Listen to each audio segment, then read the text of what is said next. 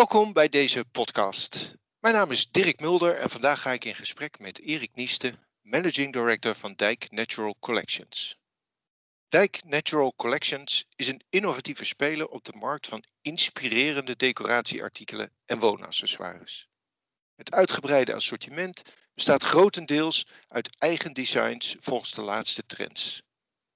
Naast de eigen collectie creëren ze exclusieve producten voor retailers. Welkom Erik. Dankjewel Dirk. Goedemorgen. Goedemorgen. Uh, ondanks een over het algemeen voorspoedig 2020 voor de home and living branche is de markt voor home and living producten enorm divers en zeer concurrerend. Om te slagen moeten bedrijven snel en efficiënt aan de vraag van klanten kunnen voldoen. Met exploderende assortimenten en enorme fluctuaties in de vraag is het onder controle houden van de voorraad een uitdaging. De lifestylecyclus van producten is vaak kort. Dat vraagt om flexibel voorraadbeheer, slim inkopen en doordachte prognoses.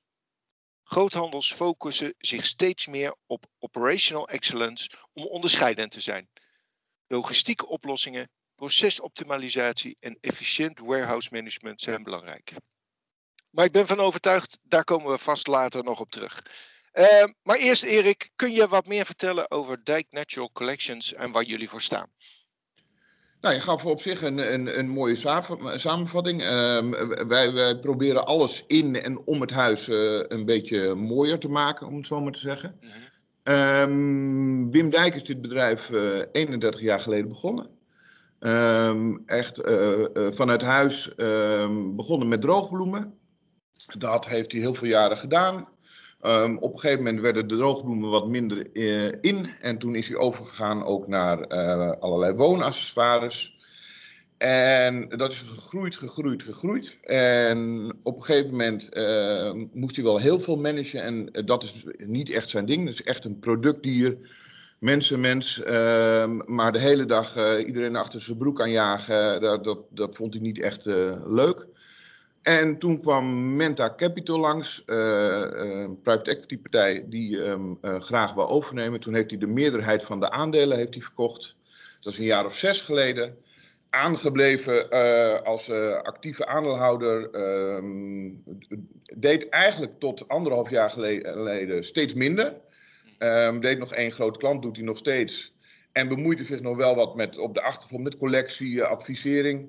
Tot eigenlijk de droogbloemen weer inkwamen. En toen is, hij, uh, is dat zijn project geworden, om het zo maar te zeggen. Dus dat doet hij nu weer heel erg veel. We zijn nu uh, bezig met een uh, eigen droogoven. Uh, die op restwarmte gaat lopen. Dus hij is de afgelopen maanden is hij bezig geweest om al zijn kennis over te geven aan iedereen die hier werkt. Dus we hebben zaad gekocht bij allerlei partijen, allerlei boeren over de vloer hier gehad die voor ons bloemen gaan kweken. Eh, machines gekocht om ze zelf te kunnen oogsten. Um, en binnenkort gaan we los. Dus dat doet uh, Wim Dijk nog in het bedrijf. Uh, en verder uh, bestaat onze collectie gewoon uit allerlei, uh, vooral natuurlijke materialen. uiteraard ontkom je niet uit om, om ook andere dingen te gebruiken. En dat verkopen wij in, in, in, eigenlijk in heel Europa. en wat zijn dan jullie afnemers? Onze afnemers zijn uh, tuincentra, uh, bouwmarkten, maar die hebben vaak ook een, een, een decoratieafdeling uiteraard. En uh, retailers. En via groothandels kopen wij ook aan wat kleinere bloemisten, dat soort zaken. Dus eigenlijk heel erg breed. Ja, en, en jullie hebben ook een vestiging op Tika, hè? Ja, ook vestiging op Tika. In Graapveld in Duitsland hebben we een vestiging. Waterdrinker hebben we een vestiging. In Venlo hebben we een partner die daar gewoon uh, bijna alleen maar onze handel verkoopt. Um, en wij kijken daar ook naar uitbreiding of dat, uh, of dat zinvol is, omdat je ziet dat de functie van de groothandel wel afneemt. Um, dus dan zou dat een goed alternatief kunnen zijn om via dat soort locaties toch te verkopen. Even, even voor de mensen die Tika niet zo goed kennen. Tika is een soort van echt fysieke marktplaats waar uh, allemaal uh, kleine shopjes staan en uh, retailers, bloemisten daar naartoe kunnen om zeg maar hun producten te kopen, toch? Ja, en echt wel echt B2B. Dus het is geen macro waar iedereen een, zomaar een pasje kan krijgen. Het is echt B2B. Kom je niet zomaar binnen. Ehm, en dat is inderdaad gewoon gericht op, op bloemisten, maar ook een heleboel, volgens mij, ja, kleding verkopen ze geloof ik niet meer, maar ja, al dat soort artikelen. Dus het is echt gewoon gericht op, op winkels die daar hun handel kunnen kopen. Fysiek. En, uh, even terug naar, naar Dijk, want jullie zijn een voorraadhoudende groothandel en, en jullie importeren dus producten. Waar, waar haal je ze vandaan? Uh, wij uh, zijn voorraadhoudend, maar uh, nou, ik denk dat 70% wel op voorverkoop gaat. Ehm, en wij halen producten eigenlijk over, over, heel de wereld. Uiteraard ook uit China. maar wij proberen altijd artikelgroepen te zoeken die nieuw zijn of, of, net anders zijn. En die komen ook altijd uit andere landen. maar daardoor heb je wel aan je, je afnemer heb je iets te bieden wat ze niet zomaar heel, heel makkelijk zelf kunnen gaan doen. Ja. Dus dat is dus ook voor ons een manier om ons te onderscheiden in, in een, een markt uh, ja, uh, waar uh, de weg van hier naar China soms ook heel kort is. Om, om te zorgen dat we daar toch een, een onderscheidend vermogen in hebben. Ja. En, en iets kort over Erik Nieste zelf? Kort over Erik Nieste zelf. Ehm, nou, heel kort dan. Ja, ehm, achtergrond is textiel. Ehm, ooit een eigen bedrijf gehad.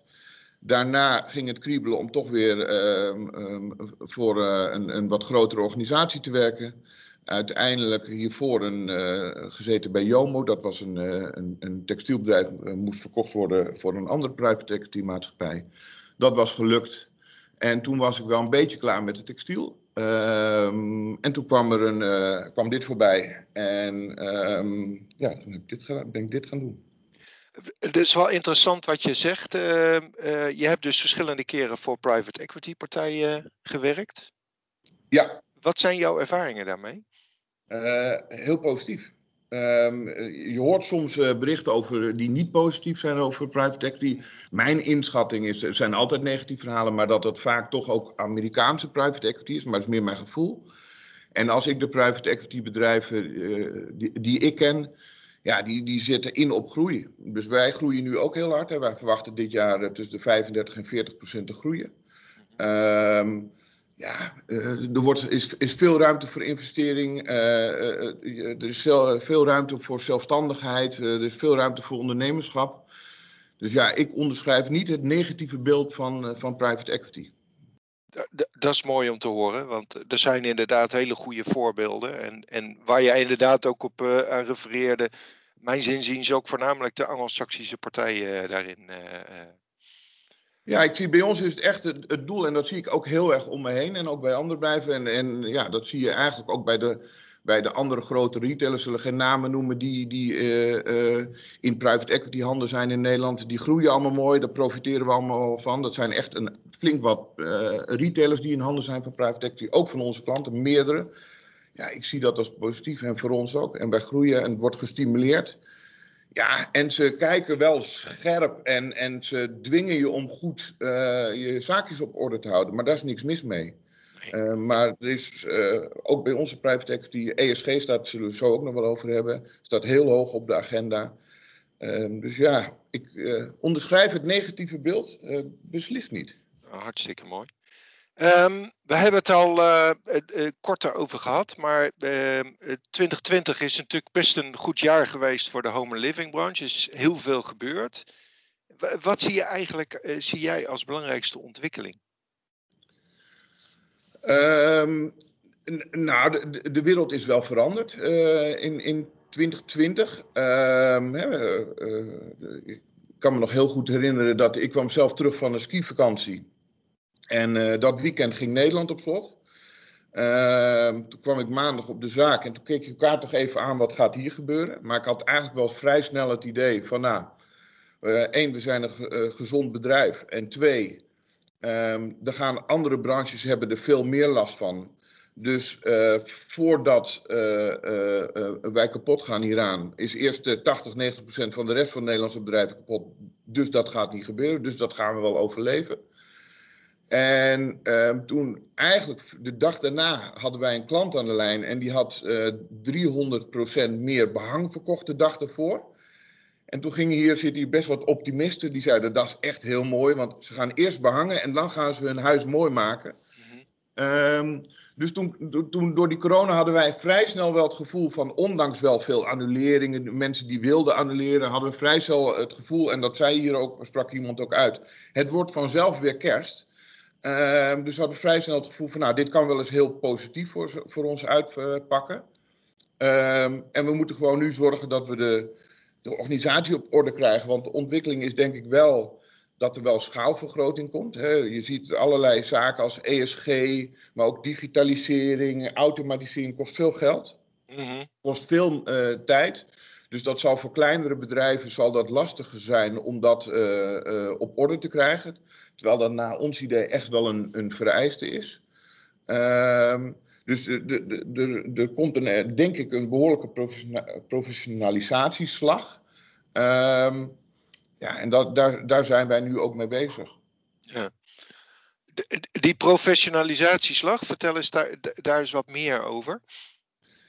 Ja, dat is, houdt eigenlijk, hè, we hebben net een nieuwe CFO aangenomen. En uh, die is voor 80 tot 90 procent uh, is hij bezig met automatisering, digitalisering. Eigenlijk dat je je goederenstroom van, van, uh, van, van, van Azië of waar dat ook vandaan komt tot hier helemaal in de gaten hebt op welk moment, en ook digitaal hebt, op welk moment de, het, de, de container dicht gaat, wat er in die container dicht gaat, dat dat ook bij ons gelijk in het systeem zit, dat onze klant ook kan zien dat, dat die voorraad, dat werkt trouwens nog niet allemaal zoals het moet hoor, maar dat die voorraad ook wanneer dan die beschikbaar is, et cetera, et cetera, zodat wij uh, een zo'n optimaal mogelijke goederenstroom hebben. We hebben ook net een, uh, een, een, uh, een computerprogramma aangeschaft wat onze voorraad voorspelt. Hè. Daar zijn er een aantal van. Wij hebben voor A3 gekozen. Die voorspelt onze voorraad. Dus dat is ook een stap. Hè. Dat zijn kostbare programma's. Maar daardoor heb je wel beter je hele voorraad in de klauw. Um, ja, en dat zijn allemaal stappen die, die, die, die het proces van efficiëntie verbeteren. Dat begrijp ik. Als je dan eens terugkijkt, want er zijn natuurlijk het afgelopen jaar eh, zeer recent nog zijn eh, op het gebied van de supply chain toch wel een aantal dingen gebeurd. Eerst natuurlijk corona, die natuurlijk impact heeft gehad op de productie in het Verre Oosten. En heel recent nog, zeg maar het tijdelijk sluiten van, van het Suezkanaal. wat voor een impact heeft dat op jullie gehad? Gigantisch. En eigenlijk, hè, je zegt het, de, het, het, het, de productie, dat die wat gestokt is, dat valt wel mee. Het zat vooral in het gevolg daarvan alle containerbewegingen. Waardoor er al sinds oktober eigenlijk vorig jaar een, een tekort is aan containers. Ehm, daar hebben wij vijf, zes maanden last van gehad. En uh, dat heeft uh, ons, ons heel veel geld gekost. Eigenlijk iedereen in deze branche. Uh, en ook in andere branche heeft het veel geld gekost. containerprijzen zijn verdrie, vier, vervijfvoudigd. Um, en wij dachten dat het grotendeels was opgelost. En toen kwam het Suezkanaal. En dat gaat de komende maanden gigantische impact hebben. Dat, dat, je praat nu op dit moment, vroeger betalen we zeg maar wat 1500, 2000 euro voor een container. En nu op dit moment betaal je 8000 voor een container uh, dollar. En je moet op dit moment wel verschepen, want anders krijg je een backlog.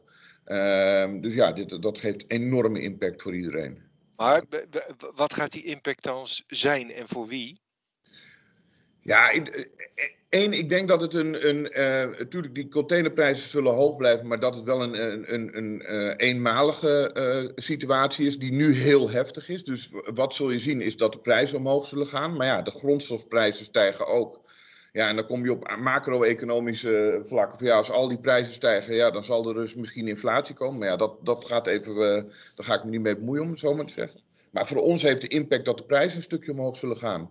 Maar dat ja, dat, dat zal uh, voor iedereen hetzelfde gaan. Want je kunt uh, bij de waardes die wij in containers hebben, kun je het niet hebben dat de container 6.000, 7.000 dollar goed, uh, duurder wordt. En dat je dat niet doorbelast naar je klant. Dus dat, dat doen wij nu al en dat, dat hoor ik ook veel, heel veel om me heen. Dat, dat lukt dus wel, hè? want je, je had het natuurlijk over je afnemers, bouwmarkten, grote retailers veelal. En die hebben natuurlijk toch een bepaalde macht in de keten. Ja, maar gelukkig lezen die ook de krant. En uh, importeren die ook heel veel zelf. Dus iedereen heeft hetzelfde probleem. En je probeert het met elkaar zo goed mogelijk op te lossen. Je gaat erover in overleg. Maar ehm, ik heb nog niemand aan de lijn gehad die zei dat het niet zo was. Ja, weet je, bedoel, het is alleen samen oplossen. En alleen ja, als er een, het is op dit moment zo, bijvoorbeeld uit Indonesië varen praktisch geen, geen, geen boten. Dus ja, dan kan je zeggen, ja, de container moet gaan varen. Maar ja, als er geen boot is, is er geen boot. Ja. En ja, dat is de situatie waar iedereen mee te maken heeft. Ehm, dus het is het is, eh, niemand wordt er vrolijk van, maar het is wel makkelijker uit te leggen, omdat het een, ja, het is een wereldprobleem en niet een probleem van één of twee leveranciers of één of twee retailers. Het is gewoon een algemeen probleem. Verwacht jij dat naar de toekomst toe dat ook een verandering in de supply chain tot gevolg zal hebben? Nou, ik denk dat het een combinatie van heel veel dingen is, maar uh, ja, dat denk ik wel. Want, want ik denk ook dat de prijzen niet meer uh, op het oude niveau komen. En ik denk dat er ook wel uh, veel partijen en ook wij wel nadenken van ja, moeten we niet wat meer proberen uit het uh, van dichtbij te halen indien mogelijk. Nou, dat doen wij al, dat doen ook andere collega's van ons al. Dus wij halen al, al recycled glas uit Europa. Wij halen heel veel uit Turkije en andere landen. Dus en ja, als wij nu kunnen kiezen vandaag, we, we kopen iets ver weg of we kopen dichtbij en, en uh, het is prijstechnisch mogelijk, dan kiezen we voor dichtbij. En dat heeft met heel veel vlakken te maken, maar ook met een transportrisico, maar dat heeft met, met andere factoren ook te maken. Ja, duidelijk. Daar komen we straks denk ik ook nog wel even op terug. Uh, uh, eerst, want dat vind ik zelf een hele ja, interessante ontwikkeling, digitalisering, e-commerce. Hoe, hoe kijk jij daar tegenaan en hoe spelen jullie daarop in? Nou, wij, wij doen het op dit moment zelf nog niet. Hè? Dus wij leveren zelf niet B2C. Dat, dat sluiten wij zeker niet uit in de toekomst, maar dat gebeurt op dit moment niet. Wij beleveren wel een aantal partijen die dat doen. En we zien dat dat heel succesvol is. Ehm, en daarnaast hebben wij zelf op B2B. Wij zijn toen corona kwam, ja, uh, dan ga je ook nadenken van er komen over uh, drie maanden komen de beurzen aan. Hoe gaat dat eruit zien? Nou, vrij snel kwamen we tot de conclusie dat, dat, dat die gaan niet door. Uh, maar we willen wel onze klant benaderen. En wij denken zelf dat alleen uh, het digitaal niet goed genoeg is. dat er toch nog gewoon een klant graag, wat onze klant in ieder geval graag fysiek ook spullen ziet. Um, en toen kwam er op een vrijdagmiddag zijn collega van mij, ja, vroeger reden we wel met een soort van bus rond. Toen gingen we eigenlijk nadenken, toen dachten we, ja, dat is wel een idee. En eigenlijk een uur later hadden we de eerste trailer gekocht. En toen gingen we, uh, die zouden we ingericht als showroom. En een uur later, dat was uh, op vrijdag om vijf uur, zeiden we ja, maar één is niet genoeg. Dus hadden we een optie op een tweede genomen. Die hebben we maandag ook gekocht, allebei. Die zijn we in die, in die uh, maanden april en, en mei zijn we gaan inrichten. En daarnaast zijn we aan een, een digitale showroom gaan werken. Dus we hebben trailers ingericht en inmiddels hebben we een derde gekocht, omdat wij denken dat het door blijft gaan. En daar hangt een televisie in, um, waarin de klant in, in Italië, Spanje of waar dan ook gaat zitten met een televisie daarbij, uh, waar die dus ons hele digitale web, uh, webshop kan zien, alles kan kopen. En daarnaast hebben we een, eh, een duizend producten in zo'n trailer staan, die die kan vastpakken, voelen, zien. En, dus hij heeft en de look en de feel, heeft hij, maar ook gewoon ja, het moderne van de webshop, om het zo in, in die combinatie te kunnen kopen. En dat, wij zien dat het werkt. Is dat dan ook iets naar de toekomst toe, om dat vast te houden? Of zie jij zeg maar, de beurzen weer terugkomen? Um, uh, ja, het is iets naar de toekomst toe. Daarom hebben we een extra geko gekocht. Um, en zie ik de beurzen terugkomen? Um, jijn. Uh, ja, er zullen denk ik wel ontmoetingsplaatsen uh, blijven. Nee, ik denk niet dat we met z'n allen eh, eh, zoveel geld blijven uitgeven en, en, en met zoveel vrachtauto's op en neer blijven rijden om daar. Ja, ik noemde dat. Ik, het was voor mij, ik zit anderhalf jaar in deze branche. Ik kwam daar eh, op de, op de Christmas World en ik vond dat uh, ouderwets verplassen. Wie, wie heeft de grootste stand en, en, en wie is het meest zichtbaar? Ja, ik denk dat dat er wel afgaat. Ik bedoel, want dat kost iedereen heel veel geld. En, en de meeste partijen hebben ook gezien ja, dat de, de wereld ook doordraait zonder die beurs. Dus ik, ik geloof absoluut, wij zullen ook wel uh, weer naar die Christmas World gaan. Maar niet meer met zo'n grote stand. Dat zullen we toch op een andere manier gaan doen. En dat hoor ik gewoon ook veel om me heen. Dat dat, ja. uh, maar helemaal weg gaat het niet. Ehm, alleen terug naar het oude gaat het ook zeker niet. Ehm, even, even terug naar je B2B webshop. ja. Die hadden jullie dus eigenlijk al, begrijp ik. Eh. Wij hadden al een B2B webshop. Ehm, alleen je ziet dat daar nog heel veel dingen niet goed in gingen en ook nog niet in gaan. Hè. Dus het is heel. Uh, uh, met, die goederenstroom, we hebben 10.000 artikelen. Ja, om te zorgen dat die webshop altijd precies laat zien wat er nu beschikbaar is, wanneer het, als het nu niet beschikbaar is, wanneer het dan wel beschikbaar is. ja, daar zijn wij heel druk mee bezig om dat allemaal op, op, op orde te krijgen. Waar loop je dan tegenaan? Uh, ja, computersystemen die met elkaar goed moeten communiceren.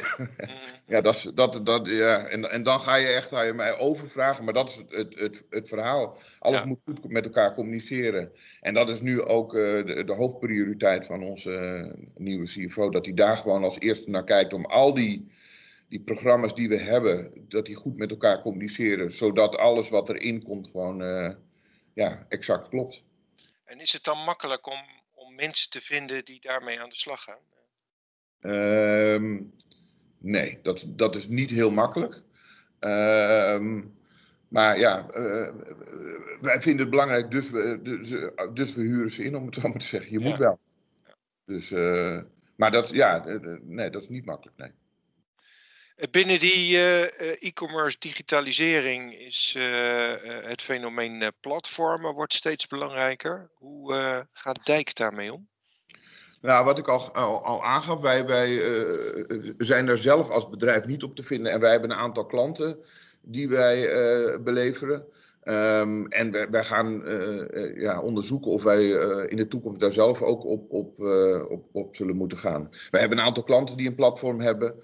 Ehm, dus die vraag is er ook vanuit die klanten en daar kijken we op dit moment naar. Um, je, je, hebt het over zelf een platform hebben. Dan bieden jullie daar als leverancier je producten aan? Of... Nee, sorry. Nee, nee wij, wij, doen zelf op dit moment, wij hebben klanten die een, die, die een platform hebben.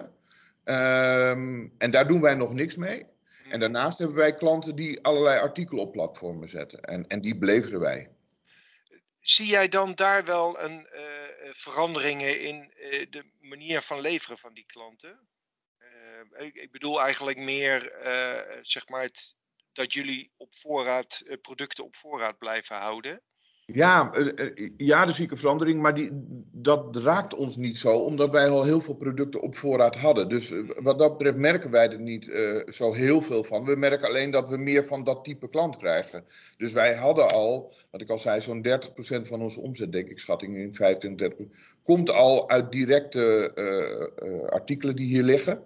Dus ja, dat, dat gaat alleen maar, verschuift alleen maar van, van, van, van klant, om het zo maar te zeggen. En dan is het alleen maar opschalen, maar voor de rest in je processen betekent dat niet heel veel veranderen eh, of anders. Nee, nee. Nee, dus dat is. Uh, en wat wel, stel dat wij uh, B2C op een gegeven moment zouden gaan leveren, ja, dan, dan, uh, dan krijg je een hele andere situatie. Ehm, maar dat is op dit moment niet, niet aan de orde. Nee, duidelijk. Um, in het begin van het gesprek refereerde je er ook al aan, duurzaamheid, ESG. Hoe, hoe gaat Dijk daarmee om? Uh, ja, het wordt belangrijk is dat? Nou, dat is heel belangrijk. Uh, wij hebben ook uh, begin november een, uh, een, een ESG-manager aangenomen vorig jaar. Uh, ja, er staat Dijk Natural Collection, dus de, de, de Natural staat er al in. En uiteindelijk uh, bleek dat we er, naast dat we dachten dat we ermee deden, dat we er ook heel veel mee deden. Liggen hier bijvoorbeeld, het hele dak ligt vol met zonnepanelen. Uh, eh, 100% van alle energie die wij gebruiken in het magazijn en hier wordt daardoor uh, opgewekt. er bleken, dat wist eigenlijk niemand. Ja, iedereen wist het wel, maar we communiceerden het. 22 voertuigen in het magazijn te zijn die elektrisch reden. Dus wij deden er eigenlijk al heel veel aan, ehm, zonder dat we het wisten. Ehm, we zijn nu aan het bijbouwen, dus er komt 5000 vierkante meter magazijn bij en 900 vierkante meter showroom om dat ook energie-neutraal te houden, zullen we dan in het uh, oude magazijn van 12.500 vierkante meter alle uh, verlichting gaan vervangen door LED. Dus we zijn daar voor onszelf een stuk mee bezig. En we kijken heel erg nu naar, naar ook gewoon naar onze goederenstroom. En het is, het is niet alleen energie, dat soort dingen. Maar het is ook gewoon hoe ga je met, met mensen waar je mee werkt mee om. Nou ja, Amforie, BSCI, dat soort dingen allemaal. Ehm, wat bij ons best lastig is, hè, want je, je kunt een, een onderscheid maken tussen een, een grote fabriek.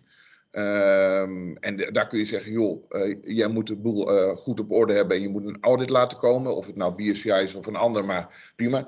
Dat doen wij. Maar we hebben ook heel veel te maken met familiebedrijfjes waar we al, al 15 jaar mee werken. En wij hebben een partij, dat is een man, die, die is Wim Dijkers, die ooit tegengekomen op de Filipijnen. En sindsdien verzamelt hij schelpen voor ons. Mm -hmm. Ja, uh, daar hebben we prima contact mee. We kennen zijn familie. Wim Dijk uh, ging er vroeger eten. En, en ja, we reizen niet meer zoveel. Maar de laatste keer zijn er inkopers voor ons bij hem thuis wezen eten. En dan, ja, dat doet hij met zijn broer samen.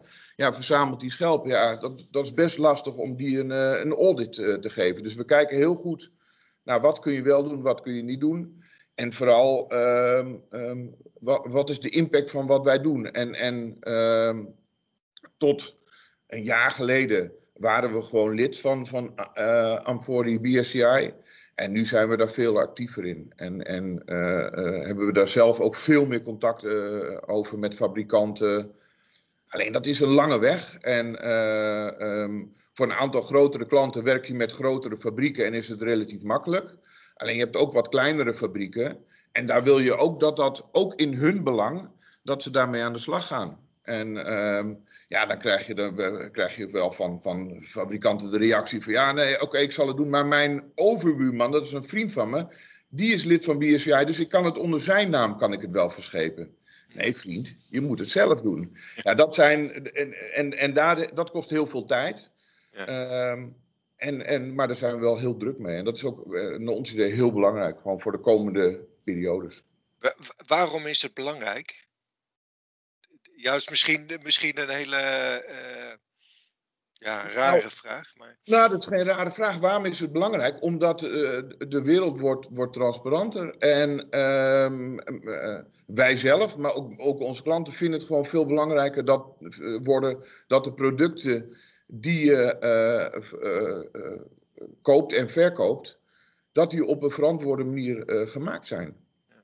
En ehm, gelukkig produceren wij uh, niet in landen waar, waar hè, Bangladesh, ik zeg maar wat, uh, Myanmar, bedoel, dat, dat, zijn allemaal landen waar, waar het, het leven, een, uh, zeker Myanmar op dit moment, heel erg lastig is. Nou, wij zitten gelukkig in, in landen waar het iets minder moeilijk is, maar dan nog moet je wel de lokale situatie goed in de gaten houden. Omdat je gewoon, ja, dat, dat vinden wij gewoon belangrijk. En dat wordt gewoon steeds belangrijker.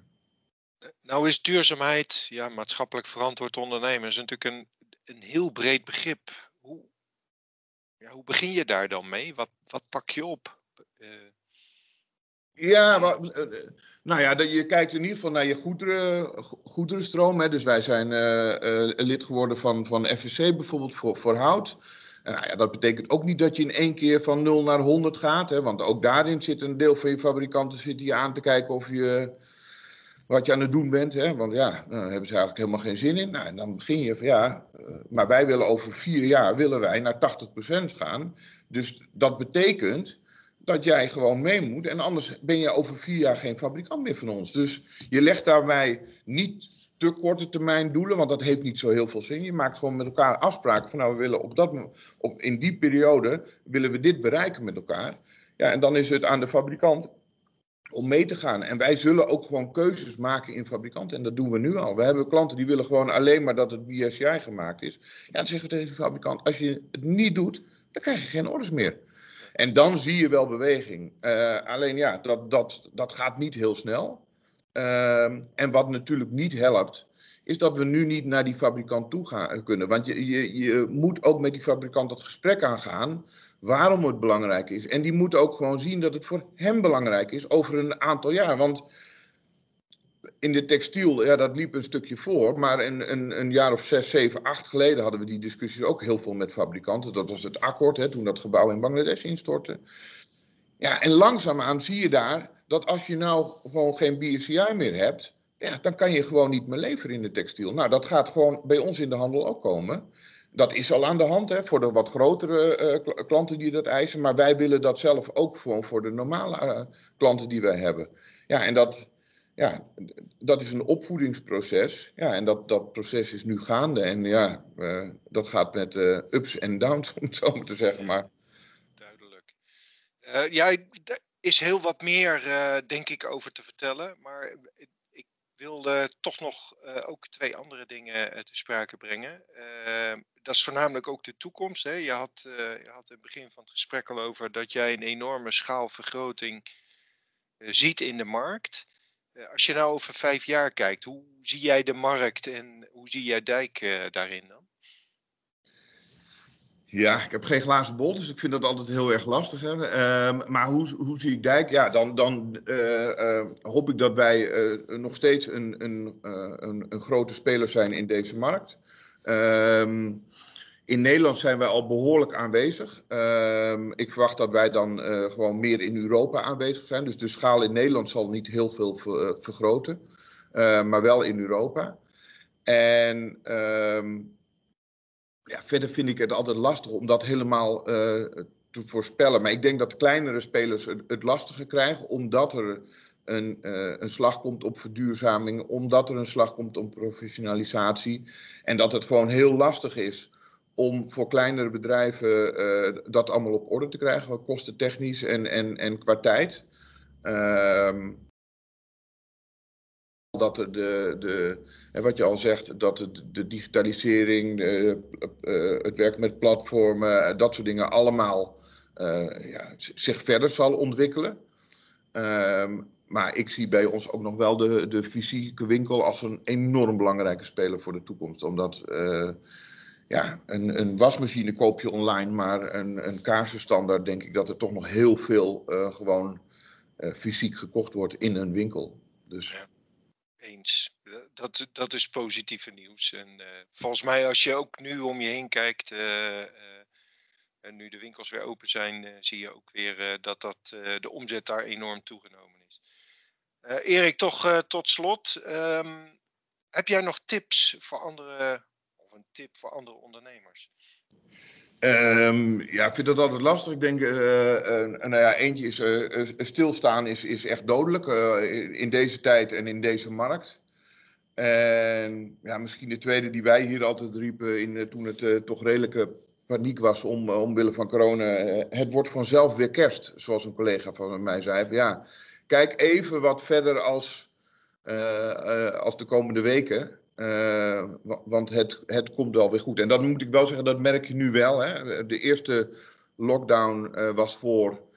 Ja, was in, in toch wel een beetje paniekerig. Uh, de tweede zie je wel bij Nederlanders ietsjes meer paniek. Want die was de eerste keer dat de winkels ook echt dicht moesten. En terwijl wij um, door die hele uh, logistieke boel die op zijn kop is gegooid, best wel later leveren. En iedereen eigenlijk.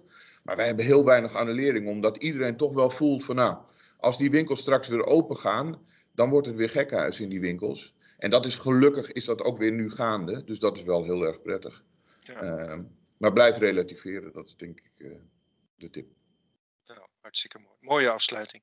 E-, Erik, hartstikke bedankt voor dit uh, leuke gesprek. Uh, jullie ook dank voor het luisteren naar deze podcast. Voor andere podcasts verwijs ik jullie graag naar ing.nl. Uh, nogmaals, Erik, dankjewel. Ja, ook bedankt, Dirk.